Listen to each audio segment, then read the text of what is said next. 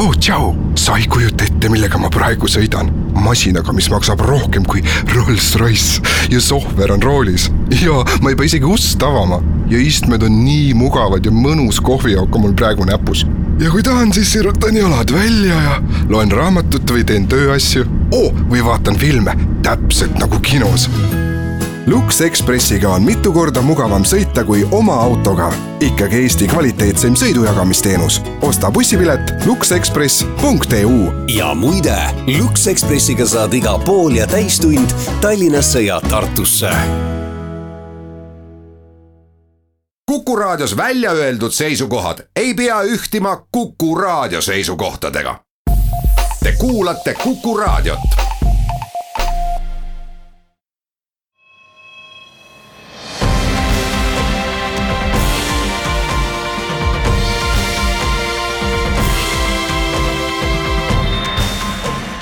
Buum.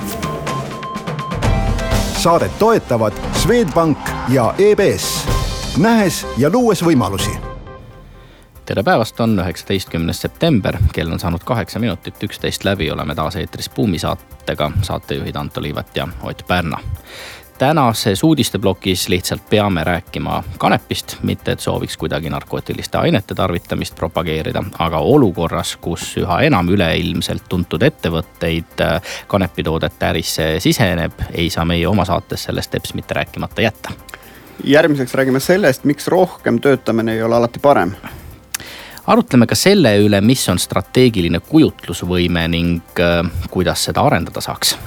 ja tähistame Lehman Brothersi juubelit, ehk siis kriisist on möödunud kümme aastat, siis Eesti mõttes täiuslikust majanduskriisist. meie tänased saatekülalised on Grete Kotkas ja Pavel Balašov Swedbankist. uurime, kuidas juhtida mitmekesiseid meeskondi ning kui valmis ikkagi on Eesti ettevõtted selleks, et nendes töötaks erineva vanuse, kultuuri, tausta ning väärtusruumiga inimesed aga nii nagu lubatud sai, teeme kõigepealt ähm, kanepi juttu. kui me siin mõni saade tagasi rääkisime maailma suurima karastusjookide tootja Coca-Cola plaanist siseneda kohviärisse, ostes üles maailma suuruselt teise kohvikute keti, siis see ettevõte annab ennast põhjust äh, rääkida veelgi. nüüd on siis välja tulnud äh, spekulatsioonid mida Coca-Cola ümber ei lükka, selle ümber justkui tehtaks juba koostööd maailma ühe suurema kanepitoodete konglomeraadiga Aurora. selleks, et eh, tuua turule põletiku, valu ja krampide vastased sellised tervistavad kanepiprodukte sisaldavad karastusjoogid. ja kui see lugu tundub teile nüüd juhtumisi kuidagi ulmesfäärist, et Coca-Cola siseneb kanepiärisse, siis tuletame meelde, et äh, mitte väga ammu äh, tõi Coca-Cola Jaapanist turule esimese alkohoolse joogi oma katuse alt jah, et ütleme, selle pildi laitaust on see, et, et Coca-Cola tahab siis diversifitseerida oma tooteportfelli ehk siis minna oma suhkrujookidelt laiemaks. Coca portfellis on teadupärast üle viiesaja erineva brändi. ja nagu sa mainisid, et see Costa ostuga läksid nad nüüd kohvisse. et, et ja noh, ütleme see marihuaana või kanepi ma ei tea, lõhna, maitse või sildiga jookide teema on minu meelest noh, poolenisti on ta turundusprojekt selles mõttes, et, et see on mingisugune cool teema, pooled noored on kanepit proovinud, mina kunagi ühe korra elus olen proovinud, ei suutnud küll mõista, et miks ta hea on. näed, aga sa juba julged seda otse-eetris tunnistada? jah, ma tegin seda ülikooli ajal Taanis muuseas, kus oli see asi eh, suures piirides legaalne, mis ma seal tegin. aga see selleks, et eh, mida see Coca-Cola tegelikult räägib täna, et räägib recovery drinkidest et me vaatame, poes on vitamiinvellid ja igasugused sellised surukaadid, mis on tegelikult ka suhkrut täis, aga aitavad justkui väidetavalt siis äh, meil taastuda. vitamiinijoogid teised, teiste sõnadega. selle eilne päev oli tegelikult energiajoogid, mis me teame täna, natuke siis kesknärvisüsteemi kahjustavad, eks. et mul on tunne, et siin minnakse selle turunduslainega kaasa, et see kanep noh, meil siin valla logogi selleteemaline, eks. see Kalep on lihtsalt cool ja in ja selle taustal või kiiluvees on võimalik siis mingisugust jooki müüa. nüüd jah, nad ütlevad seda, et nad ei tee erinevalt alkotootjatest, kes räägivad ikkagi, et, et noh, saab mõnusamalt pilve siis, kui on kanepi ja alko mingisugune se segu tehtud, eks, aga, aga selgelt need karastusjoogitootjad räägivad meile sellest, et ta peaks siis taastama, põletik, valu, krambid on ju noh, ütleme a la kõik see, mida sportlased või, või need, kes käivad näiteks jõusaalis pärast, pärast tunnevad, et siis see justkui kanepiga maitsestatud või lõhnastatud asi võiks siis kuidagi kaasa aidata. et äh, ütleme, see kanepi sisaldus versus see asja kuvand ümber on, ma arvan, kaks äh, mitte omavahel seotud asja. no Coca-Cola tõesti räägib äh, kanepi ürdi, mitte psühhotroopsest toimeainest, kannabidioolist ähm, samal ajal kui alkoholitootjad, nagu sa ka mainisid, pigem püüavad luua selliseid joovastavaid jooke ja, noh, kui vaadata selliseid populaarsemaid kanepiprodukte, siis ähm, räägitakse ju hästi palju äh, lisaks äh, jookidele toiduproduktidest äh, ja räägitakse tegelikult ka erinevatest äh, ilutoodetest. alkoholi tarbimine suurtel turgudel teadupärast äh, samuti mm, väheneb Ameerika Ühendriikides juba kolmandat aastat ähm, järjest. ja pole midagi imestada, et ka alkoholitootjad otsivad endale uusi, uusi võimalusi. ja noh, kanepi poole vaadatakse üha rohkem, eriti nüüd selle Kanada äh, arengu valguses, kus siis äh, juba oktoobrikuus minu teada peaks äh, Kanadas kanep legaliseeritama jah, siin ongi minu arust kaks huvitavat teemat, ühelt poolt seesama, ma mainisin seda Taanis õpingute aega kuskil kaks tuhat alguses, ega täpselt samamoodi me jõime Saksamaalt toodud õlut seal, sest et Taanis oli õlu väga kallis, et mis me täna räägime, et Läti õlut jõuaks Eestis, eks. et, et aga, aga teine pool on jah, see Kanada, mis on Eesti mõttes selles mõttes huvitav riik, et eestlasi on Kanadas üsna palju, kes siis pärast teist ilmasõda sinna pagesid. aga teist poolt Kanada on üks riikidest, kus on sarnaselt Eestile startup viisa kes meelitab siis kõikvõimalikke startup'e ligi. ja nagu näha, et nad teevad tegelikult ka teistes valdkondades regulatiivseid äh, järeleandmisi selleks, et nii-öelda uues äris osa saada. ilmselgelt on näha, et, et seda kanepi viisil või teisel legaliseerimist nähakse kui ühte ärivõimalust, ehk siis, et seda Kanada majandust kasvatada. no seesama Aurora, eks ole, ka vist Eesti Kanada juurtega ettevõte. no tegelikult ka teine ettevõte, keda seesama see alkotootja, see õlletootja ostmas on. Inbu, jah. sama, sama lugu tegelikult Kanada ettevõte, mida ostetakse ja, ja mõlemad need Kanada siis need nii-öelda marihuaanaõlide tootjad, ega nad ei ole nagu narkotootjad, nad on nii-öelda õlide ja igasuguste selliste jahude ja produktide tootjad kanepist.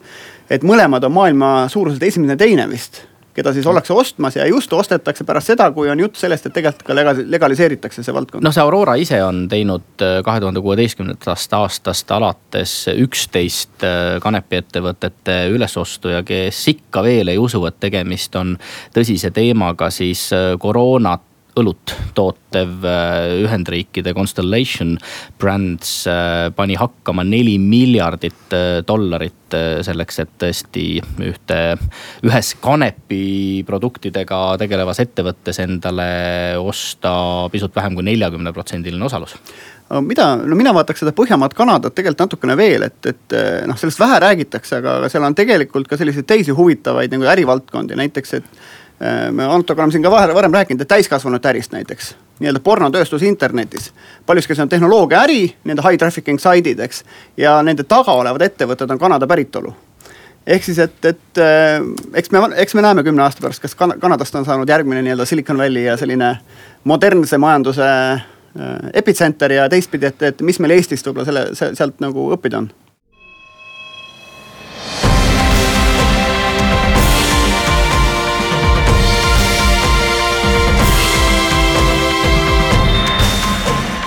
Buum.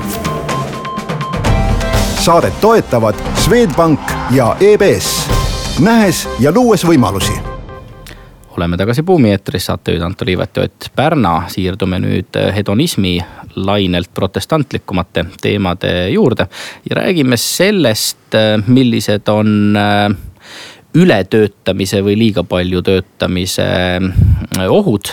Londoni ülikooli uurijad on andnud meile teada, et peaaegu pooled Euroopa Liidu töötajatest äh, teevad tööd ka oma vaba aja arvelt. ning äh, viitavad ähm, siin ka paljude ettevõtete sellisele mm, organisatsioonikultuurile, mis soosib, toetab ja premeerib rohkem töötamist.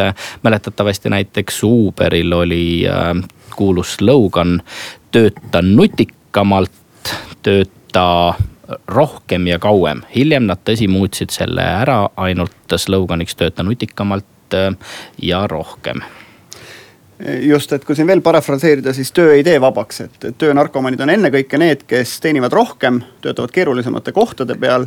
ja mida see uuring minu arust väga hästi välja tõi, on see, et rohkem töötamine samas ei tee ilmtingimata seda inimest konkurentsivõimelisemaks eile kella viie paiku ma tõin last pikapäevarühmast ära, sõitis mulle autoga vastu Luminori juht äh, Erkki Raasuke. juba kell, kell viis juba koju, eks. ja ometi Luminori väärtus näed üks koma seitse miljardit dollarit on noh, kui ta alustab tööd sarnaselt Tim Cookile neljast-viiest hommikul, siis ongi viimane aeg koju minna. Aga noh, me kõik teame, et äh, palju töötamine vähendab äh, sellist heaolutunnet ja õnnelikkust, aga, aga mis on Londoni uurijate puhul ja nende järelduste puhul huvitav, on see et, et tõesti need inimesed, kes rohkem töötavad, tihtipeale pälvivad organisatsioonis vähem tunnustust, neile pakutakse vähem karjäärivõimalusi ja nad Äh, tunnevad ennast tegelikult ka olevat rohkem töökoha kaotamise ohus, nii et noh, irooniliselt võiks öelda, et äh, ettevõtted võiksid hakata paigaldama monumente oma kõige innukamatele töötajatele, kes on neljakümne aastaselt siit ilmast lahkunud ja teinud oma ametikohal ära kahekümne aastaga viiekümne aasta töö pälvimata karjääriredelil äh, edutamist. no see pikk töö, tööpäev võib näidata teistpidi seda, et, et sa ei suuda oma asju nagu organiseerida, prioritiseerida, sa oled kuidagi väheefektiivne, mis on omakorda mõjutatud mõjutatud sellest, et sa oled vähe maganud, pole välja puhanud ja siis ongi sa lihtsalt nagu noh, kes on kodus püüdnud mingit keerulist asja õhtul näiteks teha arvuti taga, sa võid selle arvutiga tõtt vaadata kaks tundi. no sa ei suuda seal midagi nagu valmis genereerida.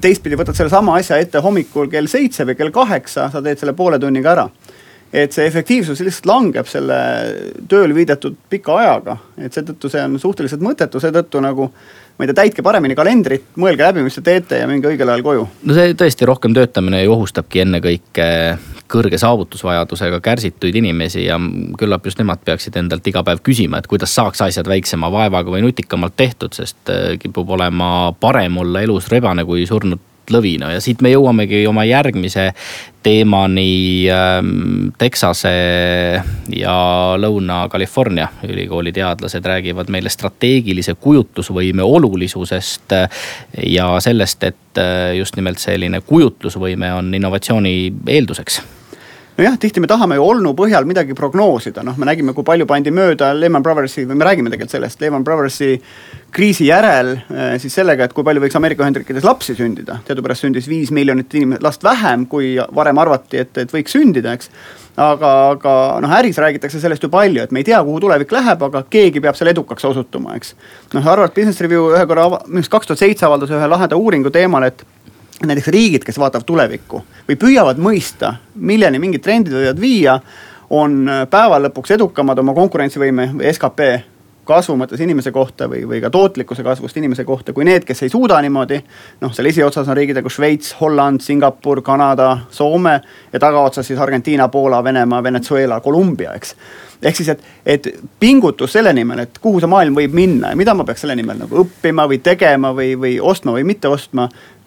peaks aitama konkurentidest eristuda. noh, on ka raamatuid ju kirjutanud see tuntud see sinise ookeani strateegia, et, et noh, kui sa lähed täiesti uuele turule mingi asjaga, mis siis nagu saama hakkab, eks. noh, Steve Jobsi näidet tuuakse kõvasti, et noh, ta on tegelikult ka öelnud seda, et klientide käest ei ole mõtet küsida, mis nad tahavad, et nad tahaksid su käest kiiremat hobust või. ja mitte Ford T-d on ju ja, ja anna neile piisavalt hea toode ja nad saavad aru, et neil on seda vaja mida veel Austini ärikooli teadlased välja toovad, on äh, kriitika paljude tippkoolide, pean siis üli- ja ärikoole silmas, äh, programmide või õppekavade kohta ja nad ütlevad, et liiga paljud nendest õppekavadest keskenduvad ikkagi sellele, kuidas analüüsida minevikku ja seda paremal juhul ja siis oleviku väljakutsetega rinda pistmiseks rakendada. küll aga pööratakse tuleviku peale mõtlemisele ilmselgelt liiga vähe tähelepanu ja noh, ega lõpuks saab see kõik ikkagi ka organisatsioonides juhist alguse, kas juht käib ja küsib iga päev oma tiimi käest küsimusi, kuidas me saaks ühte või teist asja paremini teha. või ta küsib tegelikult küsimust, aga mis oleks, kui ja minu meelest seda valdkonda annaks nagu paremaks teha, kui, kui noh, läheneda asjale nagu probleemi või väljakutse põhiselt. mis omakorda sunnib sind tooma kokku erinevaid kompetentse, mida selle lahendamiseks on vaja. ja, ja see võiks nagu noh, ütleme, kui sul kitsa valdkonna spetsialist vaatab nagu tulevikku, siis ta võib väga lihtsalt projekt-, projitseerida seda asja, kui sul on nagu mitmekülgne tiim kokku pandud, siis võivad need lahenduskäigud nagu mittekonventsionaalsed olla. ja, ja noh, võib see ettevõtte käekäigule kaasa aidata. täpselt neli päeva tagasi, aastal kaks tuhat kaheksa sai ametlikult alguse üleilmne finantskriis, kui teatati Lehman Brothersi pankrotist. eks tolleaegseid sündmusi on ka ajakirjanduses palju meenutatud, sealhulgas Eesti ajakirjanduses. küll aga mõned huvitavad faktid, ühele sa tõesti juba viitasid, et sündivusprognoosid ei vastanud äh, tõele. teine oluline tõdemus, mida uurijad välja toonud on, on see, et kõige kõvemini said Ameerika Ühendriikides finantskriisist pihta need, kes kahe tuhande kaheksandal aastal aastal või seal kahe tuhandendate aastate keskpaigas ülikooli lõpetasid. Nad ei saanud tihtipeale samaväärselt heale tööle eh, kui nende eelkäijad ja suures plaanis nad suutsid eh, koguda kolmandiku võrra vähem eh, rikkust oma kümnekonna esimese tööaasta jooksul ma ei tea, kus on Neeme raud täna, kümme aastat tagasi ta oli Lehman Brothersi ukse ees oma kaameraga ja Aktuaalne Kaamera minu teada näitas seda, kus siis äh,. seal oli hästi palju ajakirjanikke ja kus siis äh, juhte toodi käeraudades, ei toodud, turvameeste saatel toodi, juhid äh, tulid siis majast välja. ja täna kümme aastat hiljem Danske pangaga täpselt sama lugu, eks. täna avaldati raport, kus siis on uhkelt raha pestud ja eks siis vaatame, juht on juba tagasi astunud, eks, et, et mis siis nagu edasi saama hakkab. et selles mõttes ei ole nagu midagi siin kapitalistlikus maailmas nagu teistmoodi, et ahnus ajab upakile, eks Lehman Brothers läks ühel põhjusel, on ju, ja, ja Danske läheb teisel põhjusel, et vaatame, et, et mis tast nagu saab ja kas ta üldse jääb nagu vee peale mina mäletan üsna hästi seda, kuidas ma ise tollel ajal äh, majanduskriisist pihta sain, toimetades ennekõike täiendkoolituse ja üritusturunduse valdkonnas. Need olid esimesed kohad, kust ettevõtted kärpima hakkasid ja kus ka Eestis turg äh, kokku kukkus. nii et ma usun, et selliseid kaheksakümnendate aastate kesk paigas äh, sündinud äh, noori inimesi, kes äh, suure vaimustusega kahe tuhande kaheksandal aastal karjääri alustasid ja pettuma pidid, on küllap veelgi.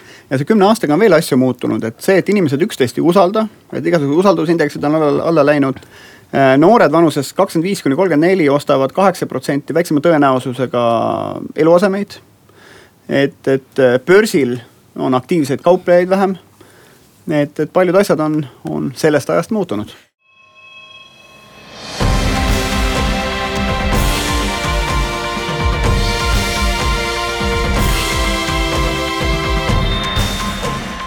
Buum.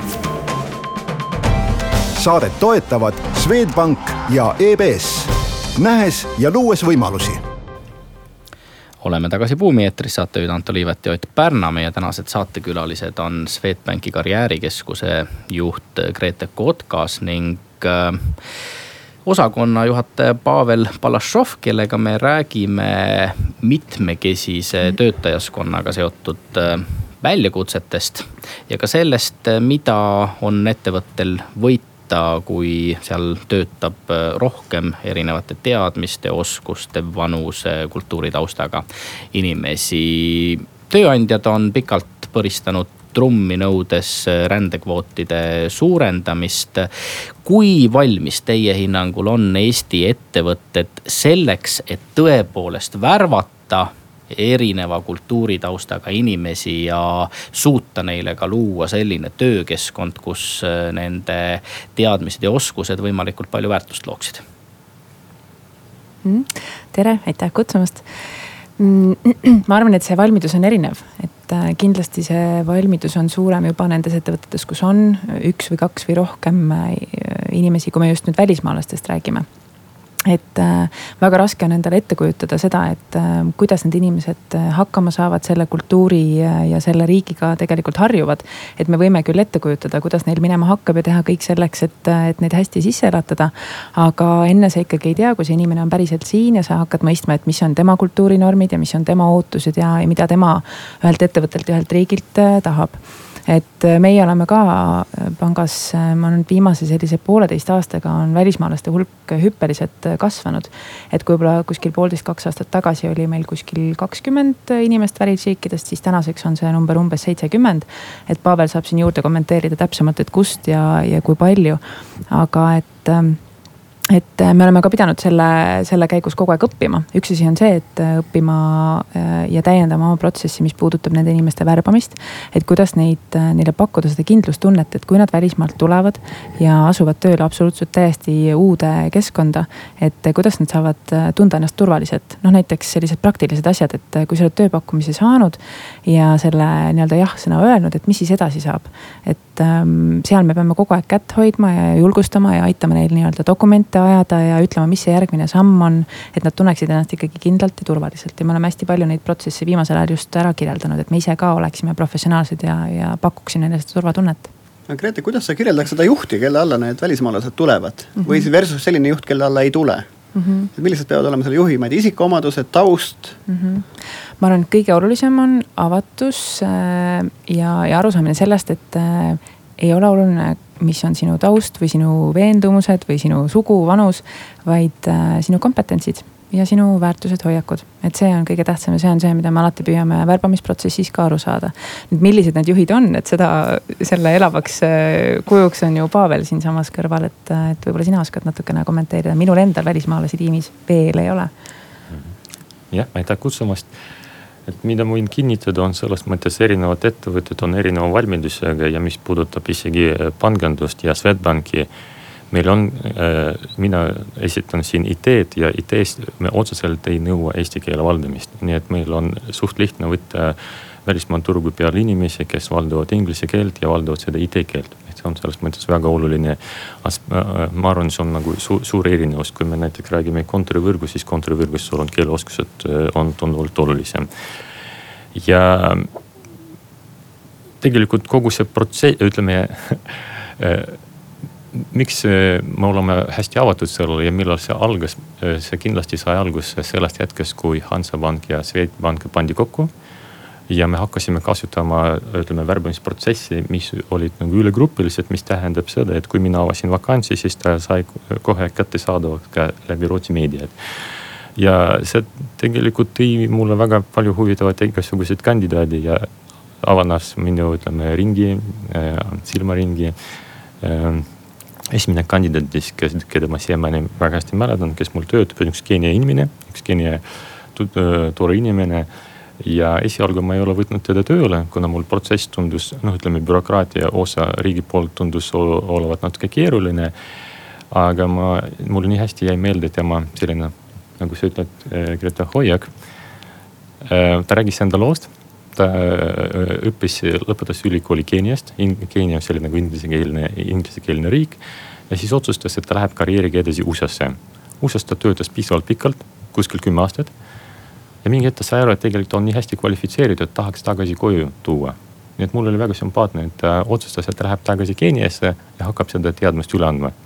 ja see kogu lugu ja ta läkski tagasi Nairobisse.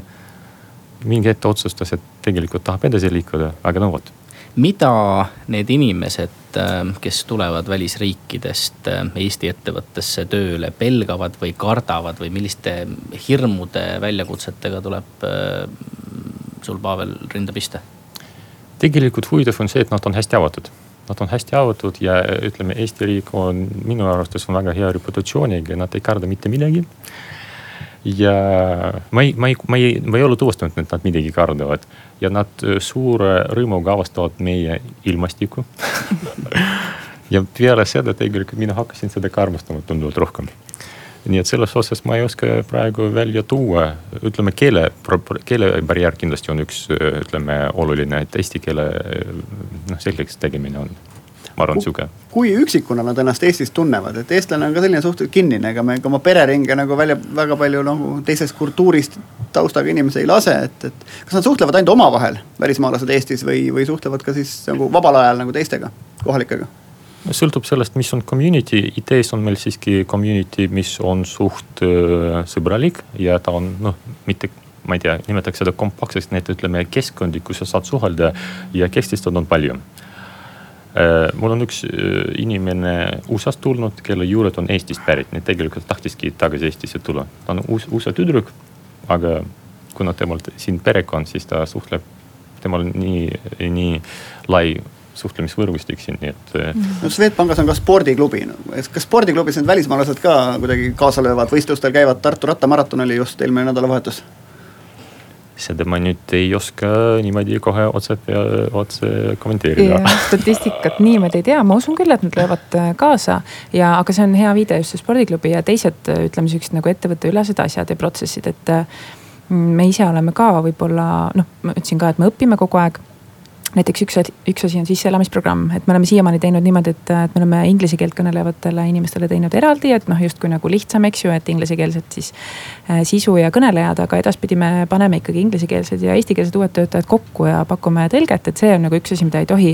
et ei tohi kuidagi nagu äh, lahku lüüa neid ise teadlikult, et peab nagu kõiki asju koos, äh, koos tegema ja just neid julgustama nagu suhtlema omavahel, et äh, kindlasti no kõik saab tegelikult alguse sellest äh, värbamisest, ähm, olenevalt sellest, millise sõela me paika paneme, kujuneb siis ka suurem või väiksem mitmekesisus äh, töötajaskonna hulgas. kuidas teie olete oma sõela ümber vaadanud, korraldanud, disaininud mm -hmm. selleks, et ähm, mitmekesisus töötajaskonna hulgas kasvaks mm? -hmm kui vaadata töökuulutusi, siin on kaks poolt, üks on äh, töökuulutus ja teine on siis see kandideerija ise, et mis infot tema vabatahtlikult annab, mida me tegelikult ei soovi.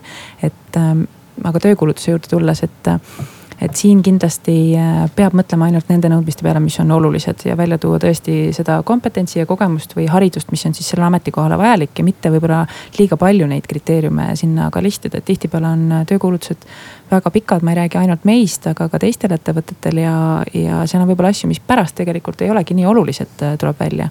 aga alguses võib-olla peletavad neid inimesi eemale, kes, kes on võib-olla enda suhtes väga nõudlikud teine asi kindlasti, mis töökuulutustel võiks olla, on, on see, et, et võib-olla eraldi nii-öelda üleskutse, et, et me ootame kandideerima hoolimata soost, vanusest, taustast.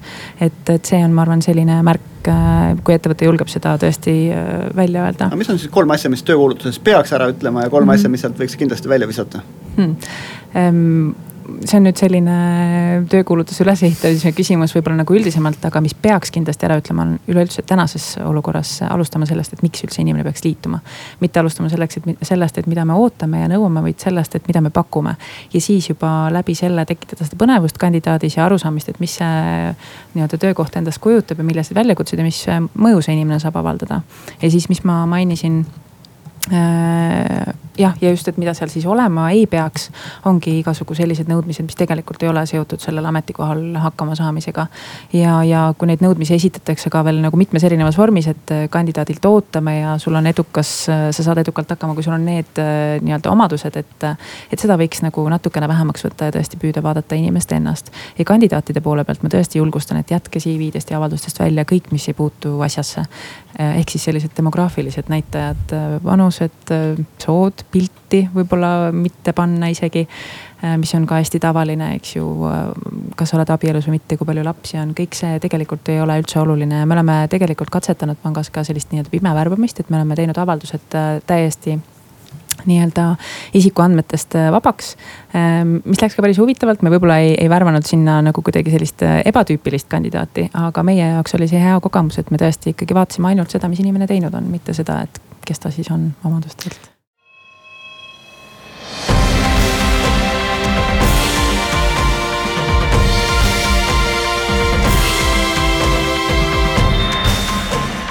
Buum. saadet toetavad Swedbank ja EBS, nähes ja luues võimalusi oleme tagasi Buumi eetris, saatejuhid Anto Liivet ja Ott Pärna. meie tänasteks külalisteks on Grete Kotkas ja Pavel Balašov Swedbankist.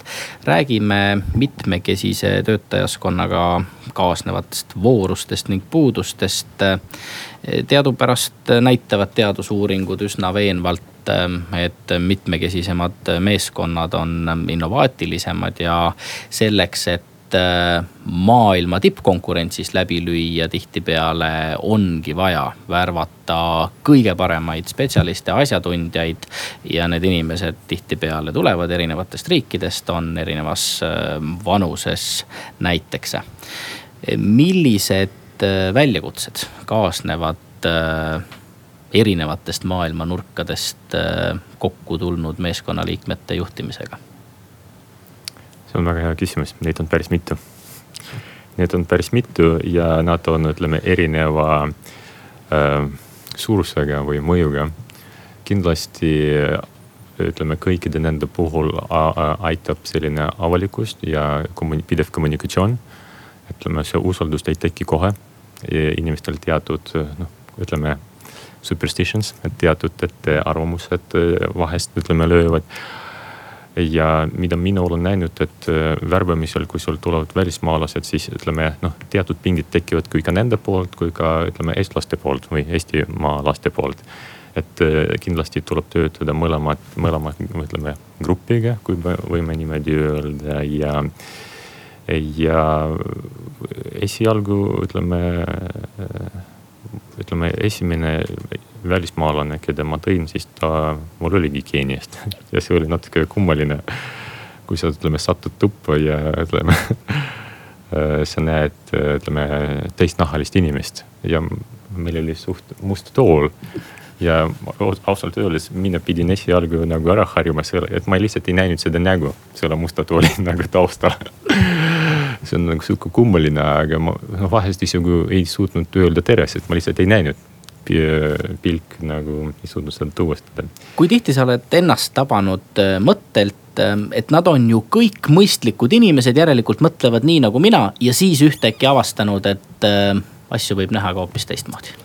oi, no ma olen piisavalt kogenud juhtne, et ma mitte kunagi niimoodi ei mõelnud kõik inimesed mõtlevad erinevalt ja need aspektid, mis võist, võivad sulle nagu tunda väiksemad mõnedele inimestele tunduvad väga olulisteks, nii et sa pead tegelikult tundma inimest. ja selle inimese tundmine, õppimine toimub läbi kommunikatsiooni ja koostööd mm. -hmm me räägime siin sellest nii-öelda mitmekesisusest viisil, et meie ja nemad on ju, et meie eestlased ja keegi välismaalane kuskil, et kui me räägime mitmekesisusest, neid on igasuguseid teisi ka, meil on kassiarmastajad ja koeraarmastajad, spordiarmastajad, spordivihkajad, kiilakad, blondid, brünetid, eks mm. -hmm. naised, mehed, erinevad vanused, erinevad eagrupid Äh, noored, kes ei tahagi täna viis päeva nädalas töötada, on ju, et, et äh, noored, kes ei taha igavat tööd teha, et, et kuidas te seda nagu tohutut miksi tegelikult organisatsiooni poolt nagu manageerite. kasvõi see, et, et mingid tegelased on valmis üheksast viieni töötama, teised tahavad noh nagu tüüpiline disainer või arhitekt, et enne kella üht-teist ta üles ei ärka, on ju, ja töötab õhtul südaööni, et. et kuidas te seda selliselt, ühelt poolt on teil selline noh, korporatsioon ikkagi, kus, mis ei ole nagu päris startup, et töötage nagu tahate, põhiliselt tehtud saaks asjad, et teil on ikkagi mingi klient vastas, tahab kell üheksa keegi toru võtaks, on ju, et. et kuidas te seda no raamis korporatsiooni ja siis ütleme need hästi kirjut inimpaletti omavahel kokku viite mm.? tegelikult äh, maailmas räägitakse ka aina rohkem äh, mitmekesisuse termin, eks ju, diversity, aga räägitakse tegelikult nüüd aina rohkem sellest inclusion'ist. mis tähendab seda, et me mitte ei pööra tähelepanu nendele erinevustele, vaid me pöörame tähelepanu sellele, et ükskõik, äh, kes sa oled või mis sinu taust, et sa oled kaasatud. et sinu arvamusega ja sinu nagu soovidega arvestatakse. ja, ja, ja siis tulevad needsamad, et täpselt need erinevad grupid, et kassi-koera armastajad, vanused inimestel on tegelikult, ma arvan, kõigil enam-vähem üks soov, et, et neist hoolitakse ja et neist, neid pannakse tähele. ja et nad saaksid äh, nii-öelda pakkuda väärtust ja teha tööd, mis nad armastavad. ja ettevõtte poole pealt ongi oluline ju aru saada sellest, et, et on mingid sellised baasilised vajadused, äh, täpselt seesama paindlikkus. see ei ole midagi, mida ainult mõni disainer või noored tahavad, seda tahavad täpselt samamoodi kuuekümne või kaheksakümne aastased äh, töötajad. ja nad hindavad seda väga, et äh, meie oleme ka selles suunas samme astunud ja just eelmise aasta alguses konkreetsemalt sellised paindlikkuspõhimõtted juurutanud, loomulikult oleneb ametikohast, et tõesti on selliseid kohti, kus sa pead olema kliendiga kontaktis. aga inimene, kes selle töö valib, tema jaoks võib-olla ongi paindlikkus, et ta saab nii-öelda graafiku järgi, eks ju, töötada aga just see, et, et rohkem seda autonoomsust inimesele endale anda oma tööaja ja koha osas, et see on kindlasti nagu hästi oluline. et just, et kuidas seda, et, et kui sa küsisidki, et seda mitmekesisuse paletti nagu hallata, et siis on nagu pakkuda võimalikult palju selliseid erinevaid protsesse, mis siis seda nagu paindlikkust annavad. täpselt see tööaja ja koha osas. ja, ja tegelikult ka ametikohad on ju muutumas aina selles mõttes paindlikumaks, et täna me ei saa enam rääkida sellest, et ühes tiimis on sul kümme inimest, kes teevad nagu sarnast tööd, vaid sul on võib-olla küll üks ametinimetus, aga neil kõigil on mingisugune mingisugune oma nurk sealjuures, et kui me räägime näiteks agiilsest arendusest. seal ongi ju sellised viis erinevat profiili, eks ju, sellel tarkvarainseneril, et, et kõik peavad saama tuua neid oma tugevusi ja see ongi see, mis, mis on selle mitmekesisuse haldamisel oluline, et sa saad aru, mis on kellegi tugevused ja soovid ja seda nagu rakendada. kas pigem töötab selle paleti manageerimisel selline kõikide käe hoidmine või, või on mingisugune ühine Swedbanka visioon, et me oleme sinnapoole teel, et davai, et kellel on midagi panustada, lähme nagu seda mängu võitma mõlemad peavad olema, et sul peab olema suur visioon, kuhu maale, kuhu poole sa oled liikumas. ja ma arvan, juhid on need, kes hästi palju peavad hoidma ka kätt ja, ja inimestega tegelema heas mõttes, eks ju, neid eesmärke ne, neile nagu tõlgendama ja, ja käegakatsutavaks tegema. ja, ja nendega. kas teil on, on, on teil juhtidel ka mingi ametijuhend või? ma mõtlen, et, et kui palju protsenti ajast peab käe hoidmisele panema? seda võib-olla nii konkreetselt ei ole äh, jah, ametijuhend kindlasti olemas mm, -hmm. kuigi seal seda otseselt ei ole öeldud mm, millega sa pead äh, tegelema, millisel ajal mina ütleks seda, et sense of belongingness mm -hmm. on tegelikult väga oluline. kuuluvustunne siis. jah, kuuluvustunne ja missioonitunne, nii et mina siiski näen seda, et ütleme usaldus tekib ja tänu sellele, et meil on ühine missioon mm. -hmm. ja seda missiooni tegelikult tuleb tekitada, ehk küsimus ei ole, miks me midagi teeme, juht peab olema võimeline vastata. ja kui ta suudab e-, erinevatel olukordadel sellele küsimusele vastata ja seostada seda reaalse, ütleme konkreetse olukorraga, see tekitab usaldust. see tekitab sünergiat ja head energeetikat meeskonnas ja siis meeskond läheb edasi ja areneb.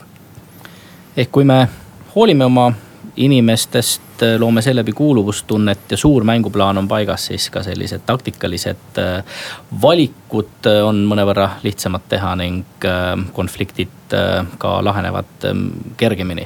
meie aeg siin täna hakkab ümber saama, aitäh Grete Kotkas ja Pavel Barašov Buumi saatesse külalisteks tulemast. meie oleme eetris juba täpselt nädala pärast, siis vestleme Euroopa Komisjoni Eesti esinduse juhi Keit Kasemetsaga niinimetatud Junckeri fondist, Euroopa Liidu uuest eelarvest või finantsperspektiivist ning sellest, milliseid võimalusi võiks need avada Eesti ettevõtjatele. seniks aga kuulmiseni